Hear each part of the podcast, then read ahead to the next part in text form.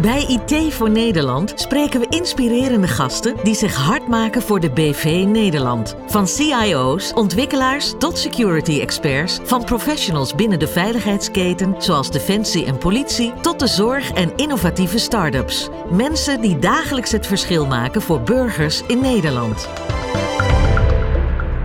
Welkom bij weer een nieuwe aflevering van IT voor Nederland. Vandaag hebben we de gast Edwin Noordzij. Edwin Noordzij is stafadviseur bij het Landelijk Tactisch Commando binnen de Koninklijke Marechaussee.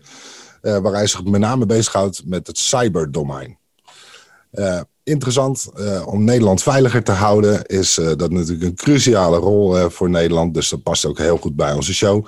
Welkom Edwin, leuk dat je er bent. Dankjewel Harm. Ja, je bent echt binnen Defensie opgeklommen. Als luitenant-kolonel ben je inmiddels. je hebt verschillende studies achter je rug, ook binnen het cyberdomein.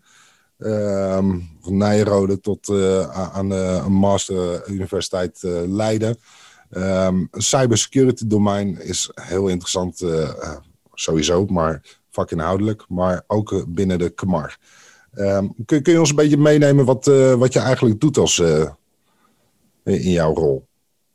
Uh, Jazeker. Um, nou ja, wij zijn als KMAR zijn we uh, als onderdeel van uh, Defensie ook zeker bezig met het implementeren van cyber in onze operatie. Mm-hmm. En dat doen we eigenlijk al een aantal, flink aantal jaren. We zijn rond 2012, 2013 zijn wij gestart. En toen hebben we uiteindelijk besloten van nou, hoe kunnen we cyber een integraal onderdeel laten worden van onze operatie. En eigenlijk vanaf 2012 zijn we uh, in samenwerking ook met uh, politie en defensie gaan kijken hoe we ook binnen de KMAR uh, cyber een, een goede rol kunnen laten spelen. En dan vooral ook om te kijken van nou, welke strategie zouden we moeten vormen en hoe kunnen we die strategie implementeren in ons dagelijkse werkzaamheden. Ja, machtig mooi, mooi vak.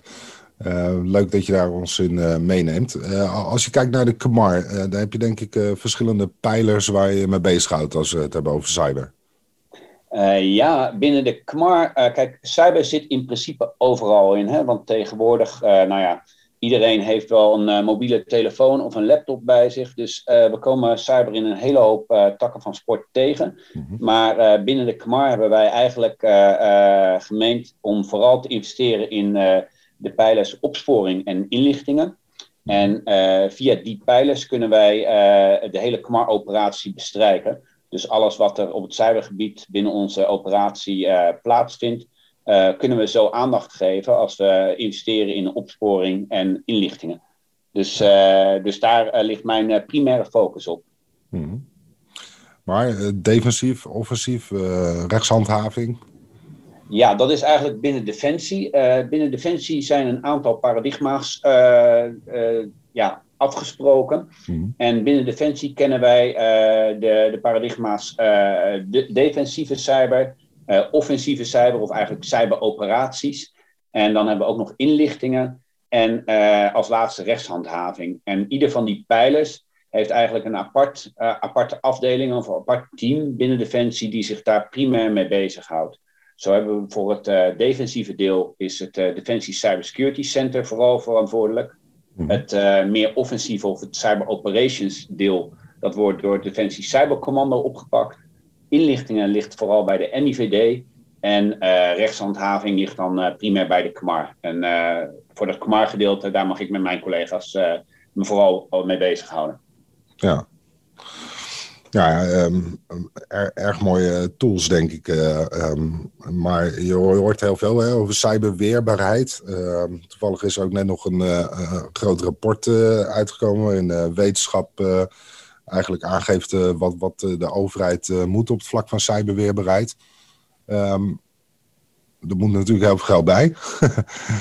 Iets wat niet onbekend is bij Defensie. Hoe, hoe, hoe gaat dat binnen de legertop? Is daar voldoende aandacht voor cyber?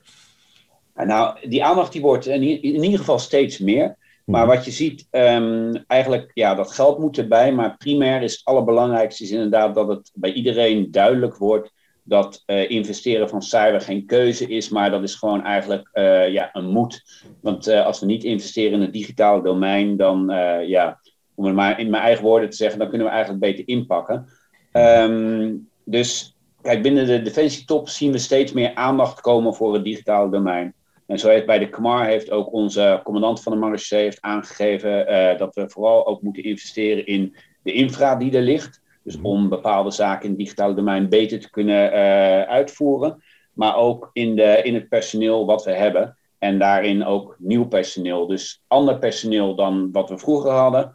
Of misschien wel het bestaande personeel uh, omscholen tot meer digitaal ja, vaardig personeel.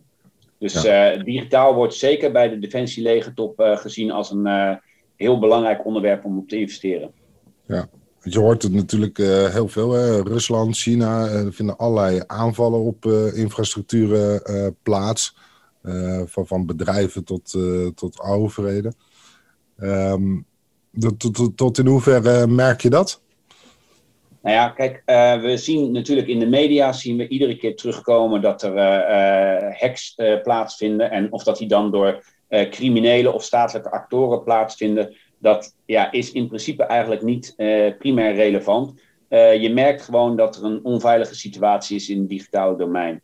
En uh, als we het dan op cybersecurity uh, bekijken, dan uh, is dus inderdaad Defensie Cybersecurity Center is primair verantwoordelijk voor de cyberveiligheid van Defensie. Maar allerlei criminele actoren die zich bezighouden in het cyberdomein en dan binnen de taak van, van de marechaussee, dat is natuurlijk voor ons zeer interessant om daar onderzoek naar te doen. En om te kijken of dat we handelingen kunnen doen stoppen. Of in ieder geval uh, achteraf de daders kunnen achterhalen en, uh, en kunnen oppakken of aanpakken. Ja. Dus uh, voor ons is het als marechaussee in de rechtshandhaving houden wij ons primair bezig met ja, de inlichtingen in het cybercrime domein, dus in de rechtshandhaving, en dan ook het opsporen van mogelijke daders en eventueel te doen stoppen of uit de lucht halen van, van website of service. Ja, ja want ehm, jullie hebben natuurlijk uh, ja, rechtshandhaving en uh, ook echt gewoon politiefunctie uh, als KMAR binnen Defensie en ook zaken zoals Schiphol. Um, je haalde al even samenwerkingen aan. Um, hoe gaat dat in het publieke private domein? Daar wordt denk ik heel vaak elkaar opgezocht en heb je elkaar ook nodig. Ja, ja, zeker. Ik ben van mening dat uh, in het digitale domein, uh, cyber kan je eigenlijk alleen maar, uh, een goede cyberveiligheid kan je alleen maar bereiken door samenwerking. Want je merkt toch dat de capaciteit, waar dan ook, of dat nou in de private sector of in de publieke sector is, is eigenlijk overal te beperkt. En er is zoveel materie om kennis van te hebben, dat niemand over alle materie kan beschikken. Dus uh, samenwerking, het delen van kennis en het, ook het delen van tactische capaciteit is uh, naar mijn mening uh, ja, echt heel belangrijk om tot een goed resultaat te komen. En als KMAR zijnde zitten wij dan ook in verschillende samenwerkingsverbanden. Wij werken nauw samen met andere defensieonderdelen, maar we werken bijvoorbeeld ook heel nauw samen met de politie en de field. En waar mogelijk pakken we zelfs de samenwerking ook op in de private sector. En noem dan bijvoorbeeld uh, op Schiphol, daar hebben we de uh, ISACs, de Information Sharing and Analysis Centers, waar we als KMAR ook zittingen nemen. Ja, ja denk uh, heel nuttig. Um, ik heb ook nog eens een keertje gehoord voor wat betreft een Digital Intrusion Team, een samenwerking met de politie, en Fiat en de KMAR. ook ja. echt bepaalde bevoegdheden hebben. Ja, dat klopt. we hebben een, sinds een aantal jaar is de wet computercriminaliteit 3 is in werking getreden. En eigenlijk uh, in, uh, ja, in normaal Nederlands uh, is die wet die stelt in staat om, um, om maar kort te zeggen, om legaal terug te hacken. En dat betekent, formeel staat er in de wet, wij mogen, in, mogen inzage doen in digitaal geautomatiseerd werk van een verdachte, onder bepaalde voorwaarden.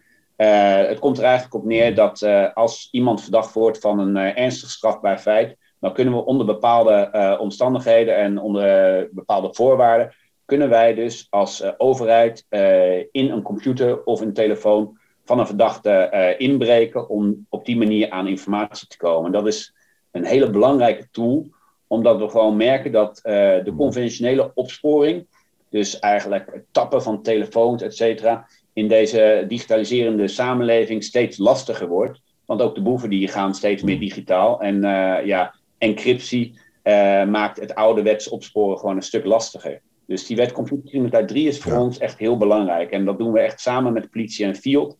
En ook het OM werkt daar nou in samen. Dus ja, dat is voor ons een hele mooie nieuwe tool in de toolbox. Ja, nou zeker. Um, klinkt ook als een, als een vergaand middel om in te zetten. Um, en nou is daar ook een, ja, een spanningsveld. Hè? Er, is natuurlijk ook heel veel te doen geweest over de sleepwet, uh, heel veel angst.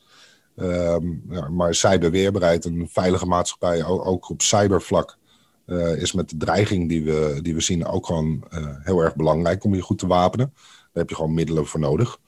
Um, tegelijkertijd zie je dat dat natuurlijk een, een spanningsveld blijft. Een criminele organisatie die houdt zich niet aan regels, is daar niet door gehinderd. Um, de, ja, uh, bij, bij een AIVD-inlichtingendienst bijvoorbeeld moet je altijd heel duidelijk een last maken. Voordat je ook echt bepaalde middelen kunt inzetten. Dus dat moet je goed verantwoorden. maar, maar vanuit Defensie lijkt me het toch ook een andere zaak, omdat op een gegeven moment is er een militair doel geformuleerd. Ja, ja nou, Kijk, um, waar wij, uh, als we het over dit nog even hebben, dat is voornamelijk in, uh, in de opsporingswereld. Dus uh, die samenwerking gaat vooral over opsporingsdiensten. En ik begrijp wat je zegt hoor, dat het een, een zwaar middel kan zijn. Alleen wij houden ons als Nederlandse overheid echt aan hele strenge regels. En wij moeten dus ook ons verantwoorden voordat we een bepaalde inzet gaan doen. En achteraf moeten we ons ook verantwoorden. Dus uh, inzet van dit middel gaat alleen maar in nauwe afstemming met het Openbaar Ministerie. En ook de tools die wij inzetten, die worden vooraf helemaal uh, getoetst of dat die proportioneel zijn. En of dat we inderdaad niet te veel kapot maken of niet te veel dingen doen, maar alleen maar puur echt chirurgisch bijna een ingreep doen op dat, op dat kleine deel wat wij willen bereiken. En daar waar het voor defensie gaat, heeft Defensie weer zijn eigen regels. Binnen Defensie is de, uh, zeg maar de offensieve uh, organisatie is dan Defensie Cybercommando. En ook zij zullen zich aan allerlei regels moeten houden voordat zij een inzet kunnen doen. En daar ligt de kmarrel vooral op het gedeelte dat wij achteraf toetsen of dat zij zich dan ook aan die regels hebben gehouden. En of dat het wapen wat zij inzetten ook inderdaad in deze zin proportioneel is geweest. En uh, dat, uh, dat alles dus uh, netjes en conform de regelgeving gebeurd is. Hmm. En um, is daar ook een, een trend gaande? Want ik kan me ja, zomaar inbeelden dat je als een leider van een, ja, missie bijvoorbeeld, je kan een tank inzetten of een, een gevechtsvliegtuig om een doel te behalen. Maar tegelijkertijd kun je wellicht, net wat je zelf zegt, chirurgisch bijna aanpakken door uh, een cyberwapen in te zetten. Um, ik kan me ook voorstellen dat er onder de legerleiding zelf dan ook ja, meer kennis van moet zijn wanneer je dat ook kunt inzetten. Ja, ja we hebben uh, bij Defensie Cybercommando, uh, daar zitten, zitten heel veel specialisten. Hmm. En op allerlei vlakken, dus zowel beleidsmatig als technisch inhoudelijk. En wat je dus nu ook ziet als Defensie een operatie doet, willekeurig waar, dan uh, is de operationeel commandant die beschikt gewoon over een grote toolbox, zoals wij dat noemen. En dat kunnen dus inderdaad zijn de fysieke eenheden, de tanks, de vliegtuigen, uh, de schepen.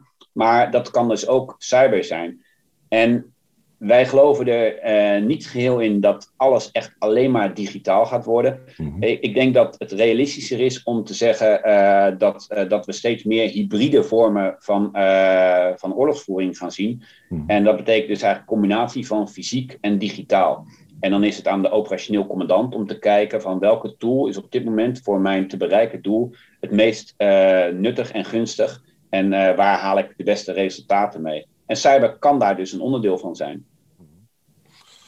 En uh, als uh, uh, ja, in het groen moet je natuurlijk af en toe ook nog echt op reis een zandbak in. Maar hoe, hoe zit het als cyberspecialist? Kom je dan ook nog wel eens de deur uit of blijf je echt op de kazerne? nou ja, dat, dat ligt er een beetje aan. Kijk, cyber natuurlijk, het digitale netwerk, het wereldwijde web dat mhm. zou je in theorie allemaal vanuit je kantoor kunnen doen.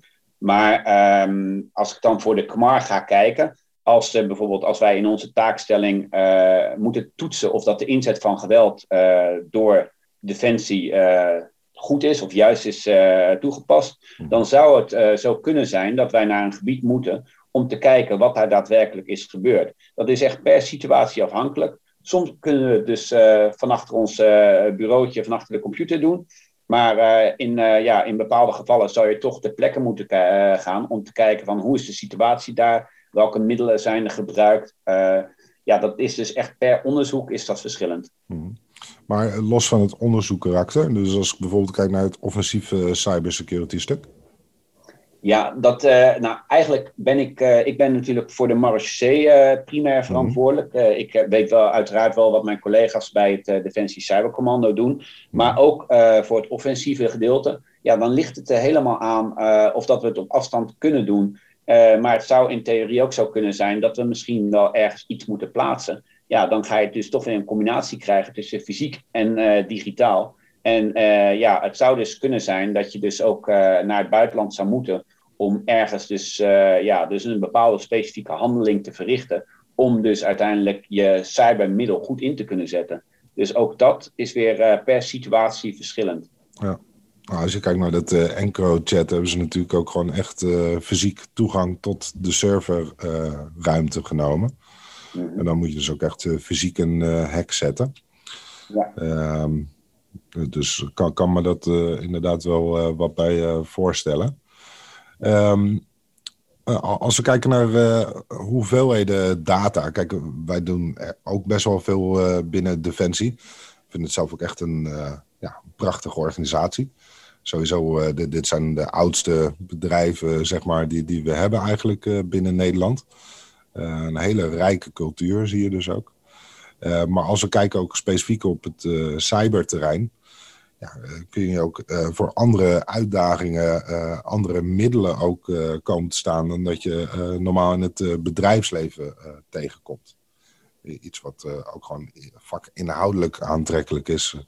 Ehm, en daarnaast heb je nog een, ja, een interessante rubricering, maar ook schaalgrootte.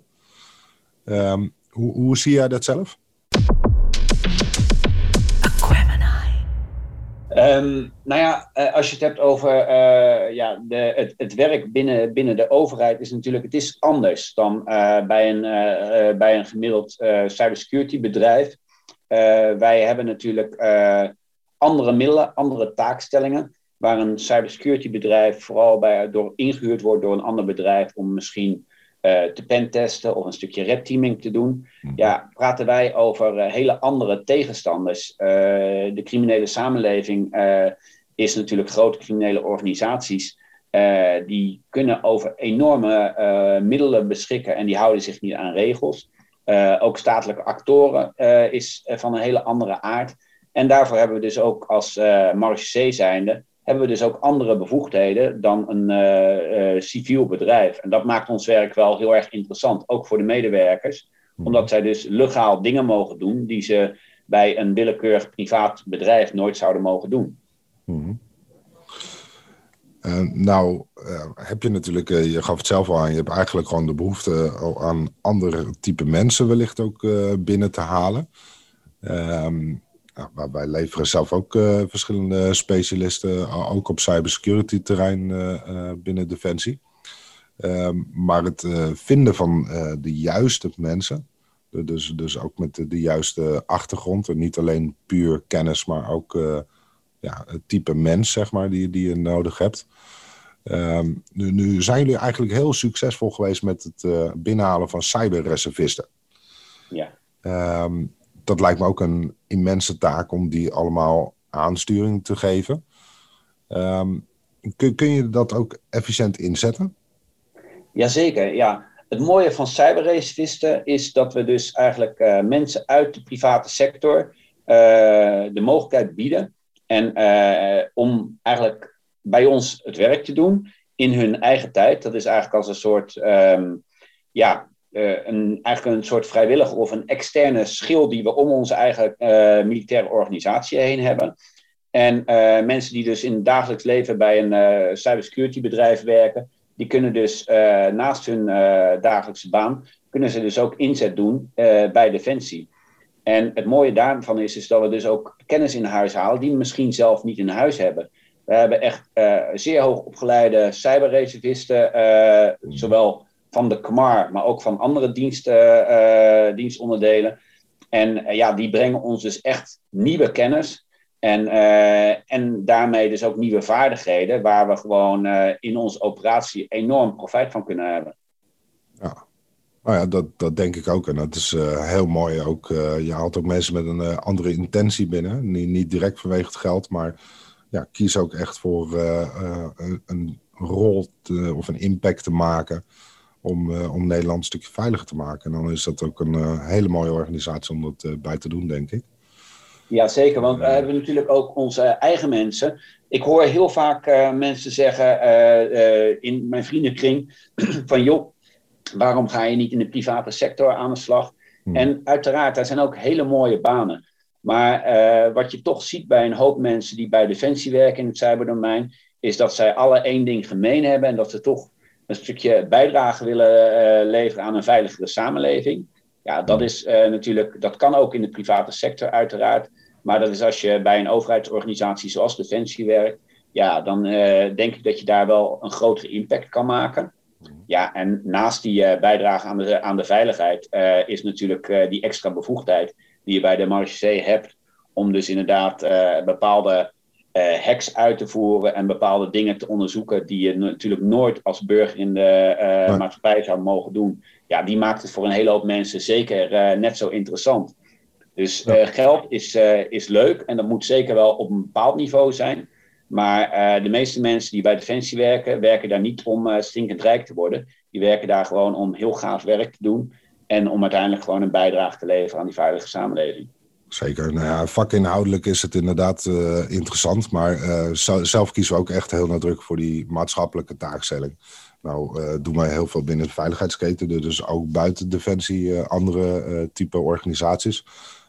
maar ook steeds meer andere organisaties met een maatschappelijke taakstelling. Maar dat is wel de rode draad. En we kiezen dus heel bewust voor om niet voor een bank of voor het zoveelste bedrijf die meer plastic wil verkopen. Ja. Um, en dat zie je voor heel veel mensen die, die bij dit soort organisaties werken. Vind ik zelf ook mooi. Dat, je ziet die passie ook gewoon echt terug op de werkvloer. Mensen doen echt vanuit een andere intentie werken. En um, ja, dat, dat vind ik heel mooi. Um, ja, maar als je daarover hebt, hè, de, de cultuur. Er, zijn ook uh, natuurlijk andere organisaties waar, uh, waar je voor had kunnen kiezen, ook met een dergelijke taakstelling. Maar nu zit jij al heel erg lang uh, als militair, ook echt. maar je hebt ook andere krijgsmachtonderdelen gezien. Want ook binnen de, de krijgsmacht zelf heb je natuurlijk hele grote verschillen in cultuur. hoe ervaar je dat?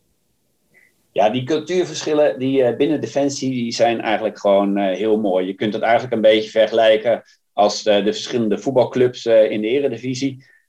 onderling is er natuurlijk altijd een beetje strijd, maar dan altijd wel op een, op een leuke manier. Natuurlijk, nu ik bij de Marché zet, is het, ja, de Marché is de beste. En dan krijgen we natuurlijk te horen van de marine is traditioneel, de landmacht is wat stug. Uh, de luchtmacht, uh, uh, die zijn soms de cowboys met, met de snelle vliegtuigen. Ja. ja. En voor die andere organisaties zijn wij van de KMAR zijn natuurlijk degene die de bekeuringen uitdelen op de verschillende kazernes. Dus we hebben altijd onderling een strijd. Maar in die end is het zeker in het cyberdomein, is het gewoon één grote club. En dan maakt de kleur pak maakt uiteindelijk niet uit. En ja, ik denk dat we daar als cyberorganisatie binnen Defensie wel een voorbeeld zijn voor de overige onderdelen. Die samenwerking die is echt gewoon uh, ontzettend goed. En het maakt ook eigenlijk niet zozeer uit of dat we nu een luchtmachtoperatie of een marechaussee-operatie of eentje van de landmacht of marine doen. Uh, iedereen die zet zich er gewoon voor uh, de 100% voor in. En dat vind ik echt ja, gewoon heel gaaf om te zien. Hmm. Je ziet dat de mensen gewoon geen grenzen kennen van hun eigen onderdeel, maar gewoon met z'n allen dus inderdaad ook echt willen samenwerken. Dus dat is echt heel, heel mooi. Nou, een beste vriend van mij is uh, marinier. En nou ja, uh, taalgebruik is al mooi. Hè? Komt ook heel veel uit Indische gebieden natuurlijk. dat, dat, dat is al grappige bepaalde maniertjes.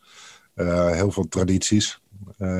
Maar dan hoor je hem ook wel eens over bijvoorbeeld KMAR, inderdaad, net wat je zegt, hè, bekeuren, heel rechtlijnig, uh, nou, een beetje het politieaspect.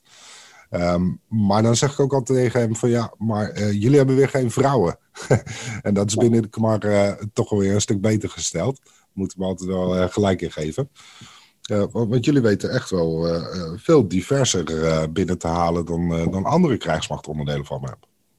Ja, ja, ik denk ook uh, dat diversiteit, nou dat wil, wil men binnen de hele mhm. defensieorganisatie. Diversiteit is gewoon super belangrijk uh, om verschillende inzichten te krijgen. Iedereen. En diversiteit gaat niet alleen maar om man-vrouw. Dat, uh, dat kan je op allerlei vlakken, kan je die diversiteit zoeken. Maar inderdaad, bij de KMAR stromen steeds meer vrouwen ook in. En dat is, dat is echt gewoon een hele goede ontwikkeling. Ja. En we hopen ook dat die, dat die ontwikkeling zich voortzet in het cyberdomein. Wij kennen binnen het KMAR cyberdomein wel enkele vrouwen, maar dat zijn er op dit moment eigenlijk nog veel te weinig. En uh, ja, je merkt toch ook dat uh, sommige vrouwen net eventjes anders over uh, dingen nadenken. Of op een andere manier een gesprek aangaan met partners. Dus juist die diversiteit, dat is echt iets wat we nastreven om daar ja, om uiteindelijk zo succesvol mogelijk te kunnen zijn. Ja. Nou, wij zien het zelf ook hoor. We zien op HR-gerelateerde eh, gebieden hebben we veel vrouwen werken. Maar als we echt IT inhoudelijk kijken, dan is het echt ja, op één hand te tellen helaas. En dat, ja, wij, wij, doen daar zelf ook wel echt wat aan om dat proberen toch anderen binnen te krijgen. Dat, maar, maar dat is een hele opgave. ja, ja, absoluut. Ja. absoluut. Maar het scheelt denk ik wel op het moment dat, uh, uh, ja, dat je een aantal vrouwen al binnen hebt. Mhm. Dan wordt uh, misschien wel een bepaalde barrière die men over moet, wordt ook minder. Want mijn directe collega is een vrouw. En ik merk dat in onze samenwerking, ja, dan, heb je toch weer andere gesprekken. En misschien kan zij ook wel weer als voorbeeld gezien worden voor andere vrouwen om te denken van hé, hey, er zit er al eentje. We kunnen toch, uh, ja, dit is ook, ook voor vrouwen. En uh, ja, een lotgenotengroep. Uh, ja. Ja. Een soort lotgenotengroep. Ja, ja nou ja, uh, nou, meer, meer, ja, meer een voorbeeld. En uh, ja, het is, het is niet zo eng. En natuurlijk zitten er binnen hmm. cyber zitten hele rare mensen. En dat zeg ik met, met toestemming van de mensen met wie ik samenwerk. We hebben het onderling altijd over de nerds. Dat zijn de echte techneuten. En daar moeten zij ook heel erg om lachen. Want uh, volgens de techneuten zijn de mensen die zich met beleid bezighouden. Ja, nou ja, we zullen het nog één keer uitleggen, krijg ik vaak te horen.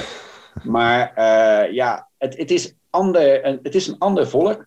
Maar de grap is dat ze daar eigenlijk wel heel erg trots op zijn. Hmm. En zij geven gewoon aan van, joh, laat mij nu maar lekker gewoon mijn ding doen. En zorgen jullie nou maar voor dat we het gewoon ons ding kunnen doen. En dan, uh, dan komt alles goed. Nou ja, en dat is dus uiteindelijk de samenwerking die we zoeken. Wij willen zoveel mogelijk onze techneuten faciliteren, dat zij op een goede manier hun werk kunnen doen. En dan, uh, ja, dan gebeuren er gewoon uh, kleine wondertjes.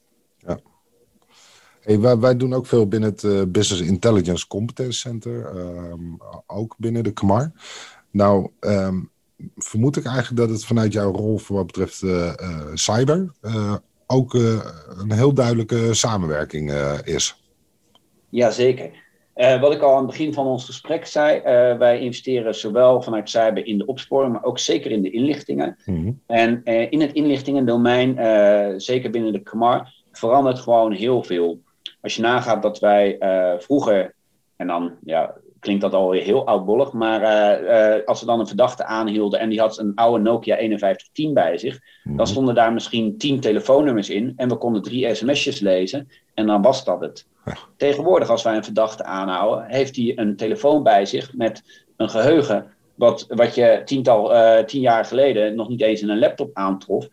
En daar staat zoveel informatie op dat het niet zelden uh, het geval is dat uh, een telefoon eigenlijk de sleutel is tot de oplossing. Dus wij moeten heel zorgvuldig met de informatie omgaan die we al bij een verdachte aantreffen. Dus dat, dat is zeker iets waar we, waar we ons ook bewust van zijn. En wij proberen die schat aan informatie die we binnentrekken ook echt zo zorgvuldig mogelijk te gebruiken. Om daarmee dus uiteindelijk ook lopende strafzaken, maar misschien ook toekomstige strafzaken op te gaan lossen. Of misschien wel te voorkomen. Ja, ja snap ik. Het is, als je kijkt naar je, je taken op Schiphol, maar ook als grenspolitie, zul je inderdaad heel veel van dat soort gevallen, denk ik, tegenkomen. Ehm, er zijn ook steeds meer ehm, valse documenten. Ehm, ja, we hebben het eerder al eens een keertje gehad over het dark web. hoe kijk je daarnaar? Hou je daarmee bezig? Ja, uh, we hebben zeker, we hebben als Marche ook onderzoek gedaan op het dark web. Dat is al inmiddels wel weer even, even geleden. Mhm. Maar het mooie daarvan is, ja, het dark web op zich is natuurlijk niks illegaals aan. Hè? Het dark web is ooit ontstaan als kleine een plek ja. waar je gewoon anoniem uh, kon zijn en je dingen kon doen. Maar helaas hebben een hele hoop criminelen ook de weg naar het dark web gevonden. En zijn er dus ook zeer veel illegale marktplaatsen. Nou goed, wij hebben daar voor de KMAR hebben wij dus ook gekeken van nou, hoe werkt dat dan als het gaat om iets KMAR-specifieks, zoals uh, de verkoop van uh, valse paspoorten. En inderdaad, die worden ook heel veelvuldig aangeboden op het dark web. Ja. We hebben dan ook onderzoek gedaan van uh, wat gebeurt daar dan? Worden die, die zaken alleen aangeboden of worden ze ook daadwerkelijk geleverd? Welke kwaliteit is het dan? hoe anoniem is het dark web? Nou, en in dat onderzoek zijn we echt wel tot hele verrassende conclusies gekomen. Ehm, ja, inderdaad, zaken worden geleverd, maar we zijn vooral ook tot de conclusie gekomen dat er ook al op het dark web behoorlijk gesurveilleerd wordt door ehm, ja, opsporingsorganisaties. En dat, uh, dat is zeer interessant. Wij waren dus uh, met een pseudokoop waren we dus eigenlijk bezig. Dus wij wilden een vals paspoort aanschaffen om te kijken of dat we die verdachte konden achterhalen. Hmm. Maar de verkoper begon ons zoveel vragen te stellen over ah, waar heb je hem voor nodig? Is die voor jezelf? is het adres waar ik naartoe moet sturen, is dat jouw eigen adres?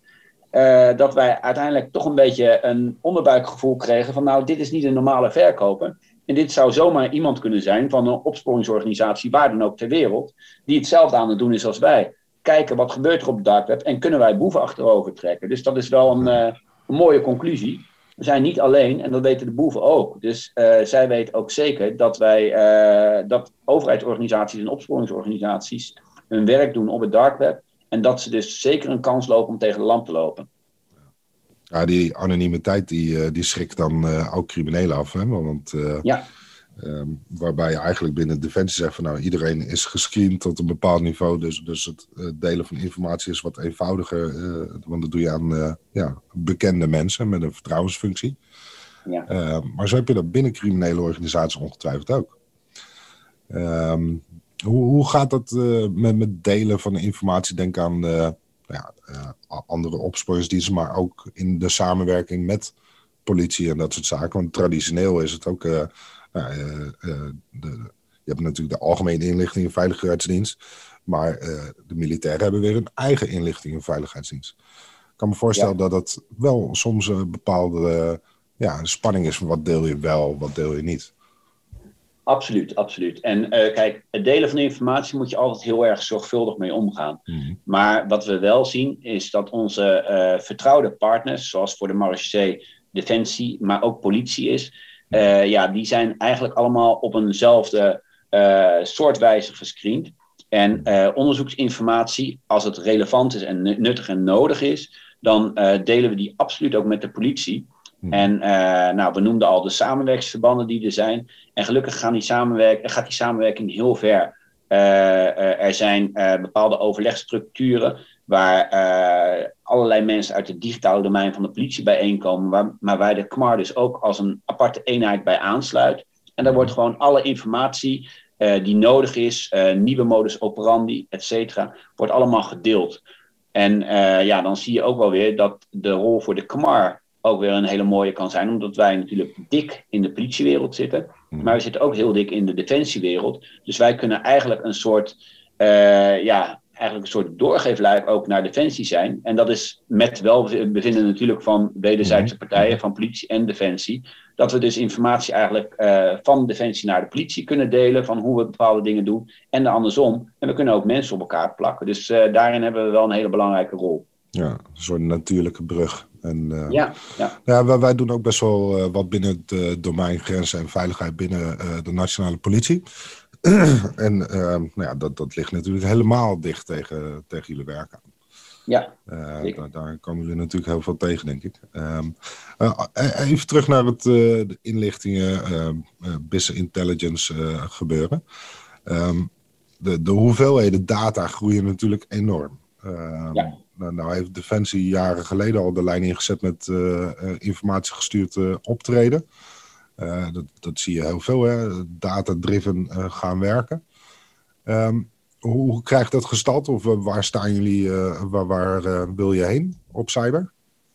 Ja, dat is informatiegestuurd optreden is absoluut een, een doel voor de marechaussee om daar te kijken van nou, hoe kunnen we dat zo snel mogelijk en zo goed mogelijk in gaan richten. En uh, uiteraard, de informatie kan, veelal kan dat uit de fysieke wereld komen. Maar je ziet dat er steeds meer informatie vrijkomt uit het digitale domein. En of dat dan gaat over open bronnen of informatie uit, strafrecht, uit strafrechtelijke onderzoeken. Uh, er is zoveel data beschikbaar dat, uh, ja, dat we echt aan het zoeken zijn. Hoe kunnen we dat zo goed mogelijk structureren? En hoe kunnen we daar zo goed mogelijk onze operatie mee voeden? Ja, en uh, dat is iets, dat is een proces wat, uh, wat nog steeds loopt. We, we gebruiken het al, maar we zijn nog steeds aan het fine-tunen. En daar zullen we echt nog wel jaren mee bezig zijn, totdat we, nou, tot de ideale oplossing wou ik zeggen komen. Maar die ideale oplossing, die, die bereiken we nooit. Want de ontwikkelingen gaan zo snel dat we dus iedere keer weer mee moeten gaan met de nieuwe ontwikkeling. Maar het is absoluut een streven voor ons dus om informatiegestuurd optreden te doen. En vanuit cyber willen we daar uh, een hele grote rol in uh, hebben, omdat er gewoon heel veel digitale data is die kan bijdragen aan ons onderzoeken. Ja, ja en hoe meer data, hoe moeilijker het is ook om naar alle data te kijken. Ja. Ehm, hoe um, ja, wordt dat ingezet? Doen, doen jullie dingen met artificial intelligence? Wat, wat zit er op jouw roadmap om te zeggen, nou, zo gaan we het veranderen? Nou ja, we, we zijn uh, zowel binnen de inlichtingen uh, van, van de KMAR, dus mhm. niet de inlichtingendienst, maar de inlichtingen van de KMAR. Maar uh, daarnaast hebben wij ook aparte teams die zich bezighouden met de mogelijkheden van AI. Mm. En ja, daarin zijn we bijvoorbeeld aan het kijken hoe kunnen we met camerabeelden omgaan. Kunnen we bepaalde dingen onderkennen die, die voor ons interessant zijn. Dus we hebben zeker ook een club die zich bezighoudt met AI. Hmm. En uh, we hebben ook een uh, aparte directie die zich überhaupt bezighoudt met uh, strategie en innovatie. Hmm. Ja, en zo zie je dat we dus op alle vlakken eigenlijk wel vernieuwend proberen nieuwe kansen en nieuwe mogelijkheden te ontdekken. Dus we investeren daar goed op. En ja, dat kan uiteraard altijd nog meer en beter. Maar dan, ja, dan kom je al heel snel natuurlijk in het financiële plaatje. En daar zijn we toch wel afhankelijk van keuzes die bij de overheid gemaakt worden. Ja, ja, want de, de, de, politieke wind heb je natuurlijk uh, heel erg mee te maken. En uh, soms, soms is gedreven door geopolitiek of andere invloeden. Um, nou, nou, begrijp ik dat je daar niet te veel over kan zeggen, want de verkiezingen zijn net geweest. het is allemaal nog even de vraag welke minister er komt en coalitie, et cetera. Um, maar dat ja, lijkt me wel lastig, ook planmatig. Uh, want je weet niet eigenlijk uh, wat er uh, in de komende jaren bij gaat of, of er weer met een scheermes overheen gegaan moet worden.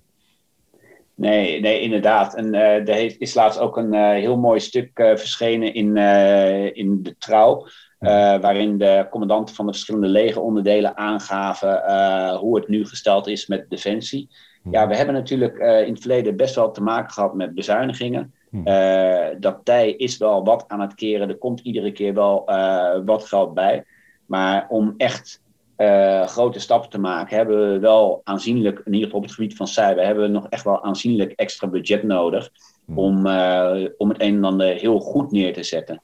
Dus dat proberen we dan ook continu duidelijk te maken, ook bij, bij de overheid en bij onze verschillende gezagen.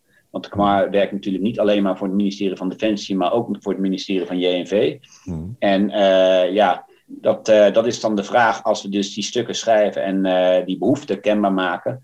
Van kijk, het belang wordt absoluut onderkend. Dat, daar hmm. twijfel ik geen moment aan. Maar ja, dan moeten we kijken waar, waar worden de prioriteiten gelegd. En ja. krijgen zij bij de KMAR dan ook een prioriteit. Hmm. Ja, en dat is dan mede aan mij en mijn collega's om, om daarvoor te zorgen. Ja. Nou, je ziet, ziet eigenlijk met uh, bezuinigingsrondes dat er ja, in de algemeenheid zo, soms wat Haarlemmer olie is verdwenen. Of dus ja, ehm, bijvoorbeeld wat materieel wat minder snel vervangen werd. Maar en natuurlijk leidt dat natuurlijk soms tot, tot klachten en ongenoegen. Ehm, maar je ziet toch wel mooi dat uh, de organisatie nog steeds, uh, dat, dat ligt ook een beetje besloten in de cultuur. We, gaan het gewoon doen met z'n allen. Um, maar lifecycle trajecten ehm, liggen soms achter, is een beetje een soort technical debt. Maar dat zie je ook buiten Defensie bij een heleboel organisaties. Maar als je kijkt naar cyber, ja, dat is natuurlijk een stuk jonger. Dan zal je wellicht veel minder uh, last hebben van uh, technical debt lifecycle uh, trajecten. Maar sowieso over de hele linie zie ik ook juist een heleboel hele mooie investeringen. Waarbij je ook gewoon af en toe ziet van... hé, hey, je wordt wel echt top of the bill ook niet het goedkoopste in aangeschaft. Hier, hier, gaan we echt wel voor het beste. En ik denk dat het soms ook gewoon nodig is voor het landsbelang, zeg maar. Um, maar op het vlak van cyber je zegt eigenlijk met name mankracht heb ik nodig. Ja, mankracht. En kijk, de middelen. Cyber is eigenlijk, mhm. eh, ik bedoel, zal niet iedereen met me eens zijn, maar cyber is eigenlijk heel goedkoop. Want uh, ons kapitaal zijn de mensen. Mhm. Nou ja, als we kijken, uh, de loonkosten van onze medewerkers versus de aanschaf van een groot vergat, een groot voertuig of een, een vliegtuig. Ja. ja. dat is natuurlijk, dat, dat valt in, bijna in het niet. Hmm. Eh, dus uh, mensen met goede kennis, dat is, dat is de basis. En dat die dan vervolgens met hele goede spullen moeten werken. Maar goed, ik heb liever een hele goede uh, hacker bij onze organisatie werken die met wat verouderde computers moet werken, dan iemand die moeite heeft met Word openen, die op uh, state-of-the-art laptop zit te kloppen. Ja. Dus, dus ons grootste kapitaal zijn de mensen. En uiteraard hebben zij goede spullen nodig. Maar als je gaat kijken, een hele goede laptop of een hele goede computer, ja, dan praat je misschien over 5000 euro. Dus uh, waar hebben we het dan uiteindelijk over? Maar uh, ja, ook daar merk je wel, wij moeten natuurlijk in een dataomgeving werken waar uh, genoeg opslagcapaciteit is. En mhm. die hele infra die erachter zit, die moet wel up-to-date gebracht worden, willen wij optimaal ons werk kunnen doen. Dus daar ligt nog wel een, een stukje waar, waar nog winst geboekt kan worden. Ja, ja ik kan me voorstellen. Hey, en hoe blijf jij uh, zelf bij? Want ik heb uh, wel ge, ja, heel duidelijk gezien, uh, je volgt af en toe een SANS training of dus inderdaad redelijk recent nog een extra master gedaan ter verdieping. Um, hoe zoek jij nieuwe invalshoeken naar, naar de toekomst toe? Hoe blijf jij bij up-to-date?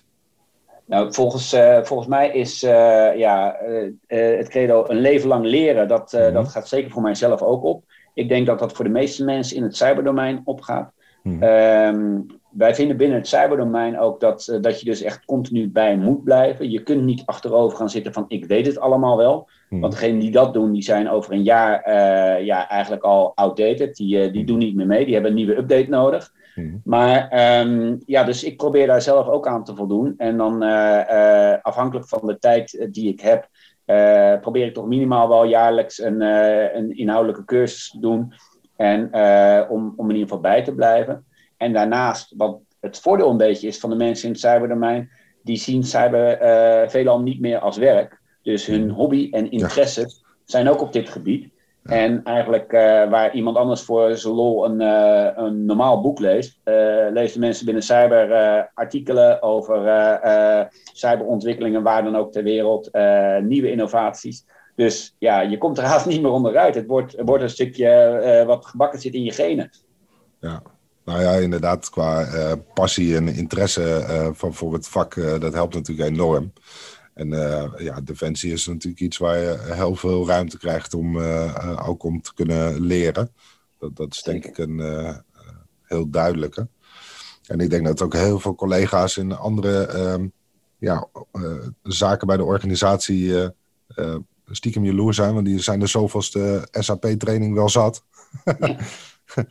dan, dan is dit denk ik ook veel uh, meer boeiendere uh, materie. Dat, dat is denk ik ook wel heel leuk. Um, als je kijkt naar jouw eigen toekomst, hè, want je, je, bedoel, je, je gaf het eigenlijk al aan, uh, nou ja, het hele private domein. je vindt het leuk om of leuk, ook noodzakelijk om de samenwerking te zoeken, ook vanuit je, je, je rol. Ehm, maar, maar klinkt wel alsof je echt jouw toekomst uh, binnen uh, Defensie ziet. En ik zie ook, je hebt heel duidelijk stap gemaakt. Je bent uh, nou, al luitenant-kolonel, wat zeker niet de minste rang is. Um, hoe kijk jij naar de toekomst? Waar, waar wil jij zelf heen qua ambitie? Ja, ik wil in ieder geval, en dat heb ik ook binnen de KMAR-organisatie duidelijk gemaakt, ik wil heel graag in het cyberdomein blijven. En mhm. Gelukkig uh, is dat uh, zeer waarschijnlijk ook wel mogelijk, omdat hier gewoon nog enorm veel ontwikkelingen ga, uh, komen gaan. Mm Dus ik zie mezelf sowieso binnen het cyberdomein blijven en eigenlijk ook binnen Defensie. Want ja, uiteraard heb ik ook wel eens om me heen gekeken, maar toch kom ik er iedere keer weer op terug dat die bijdrage aan een veilige samenleving, die, ja, dat vind ik toch wel een hele belangrijke. Mm En ja, dan binnen het cyberdomein, of dat dan alleen binnen de KMAR is, of dat het dan, zoals wij dat noemen, paars is. Dus ergens in een uh, gecombineerd team uh, uh, bij, binnen Defensie, binnen een cyberteam. dat kan allemaal. Maar uiteindelijk hoop ik dus inderdaad steeds meer op posities te komen waar ik nog steeds een andere bijdrage weer kan leveren aan, aan het verdiepen van de cyberkennis en cyberkunde van de KMAR en de Defensieorganisatie. Dus ja, ik zie mijn groei in de toekomst, zeker, uh, zeker binnen Defensie. En uh, ja, daar uh, ben ik in ieder geval nog lang niet uitgespeeld. want voor mij is het echt, ik vind het, vind het één groot, ja, één groot pretpark eigenlijk. En dat bedoel ik in de goede zin van het woord. Hè. Dus, er zijn gewoon mogelijkheden te over. En dat vind ik gewoon, dat trekt me zo aan. Ja, nou ja, traditioneel uh, zie je eigenlijk dat er natuurlijk om de zoveel jaren eigenlijk wordt gewisseld qua, uh, qua, qua functie binnen Defensie.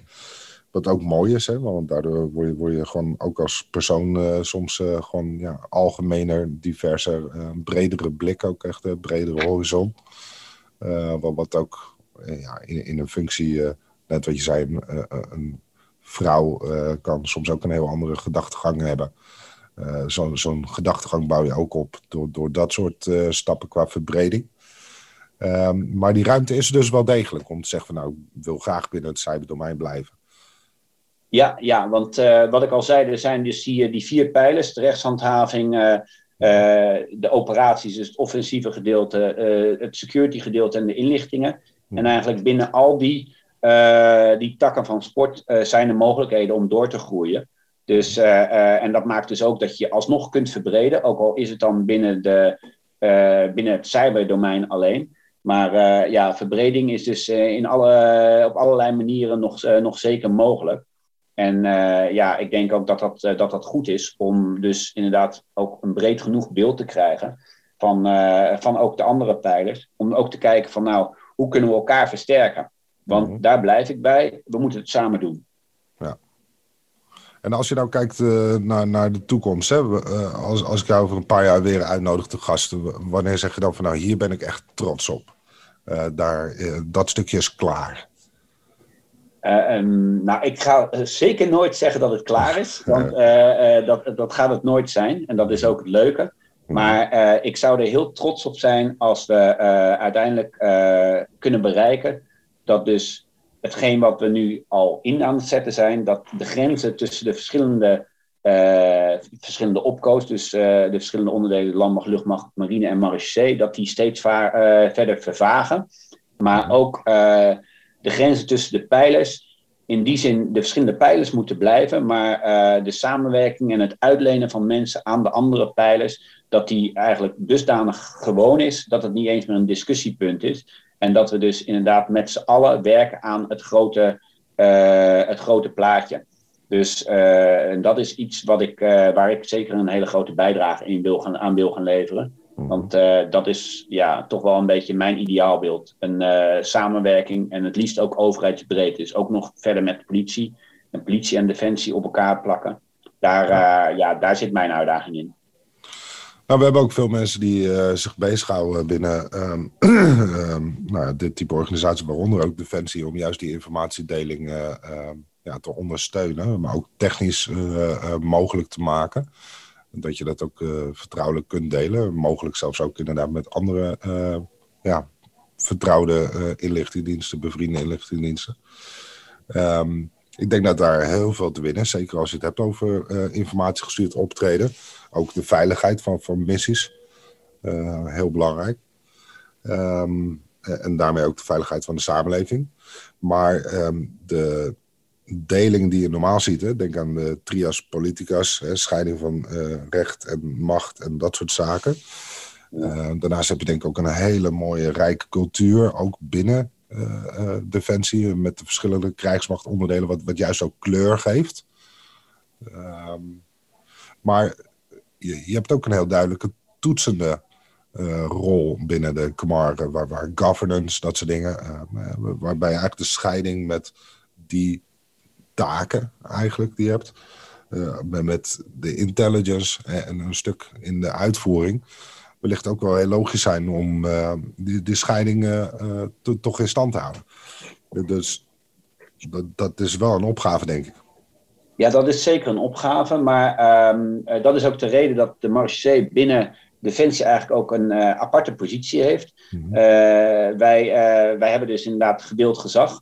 Dus waar het gaat om toetsing, blijven we uiteraard altijd los van de andere defensieonderdelen. Want wij moeten defensie toetsen.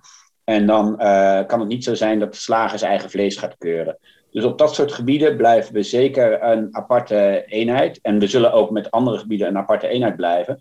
Alleen waar het mogelijk is, kunnen we wel dus uh, uh, samenwerken. En als marechaussee zijnde kunnen wij dus voor een opsporingsonderzoek kunnen wij specialistische hulp inschakelen. En dat kan iemand zijn uit de private sector, van een willekeurig bedrijf.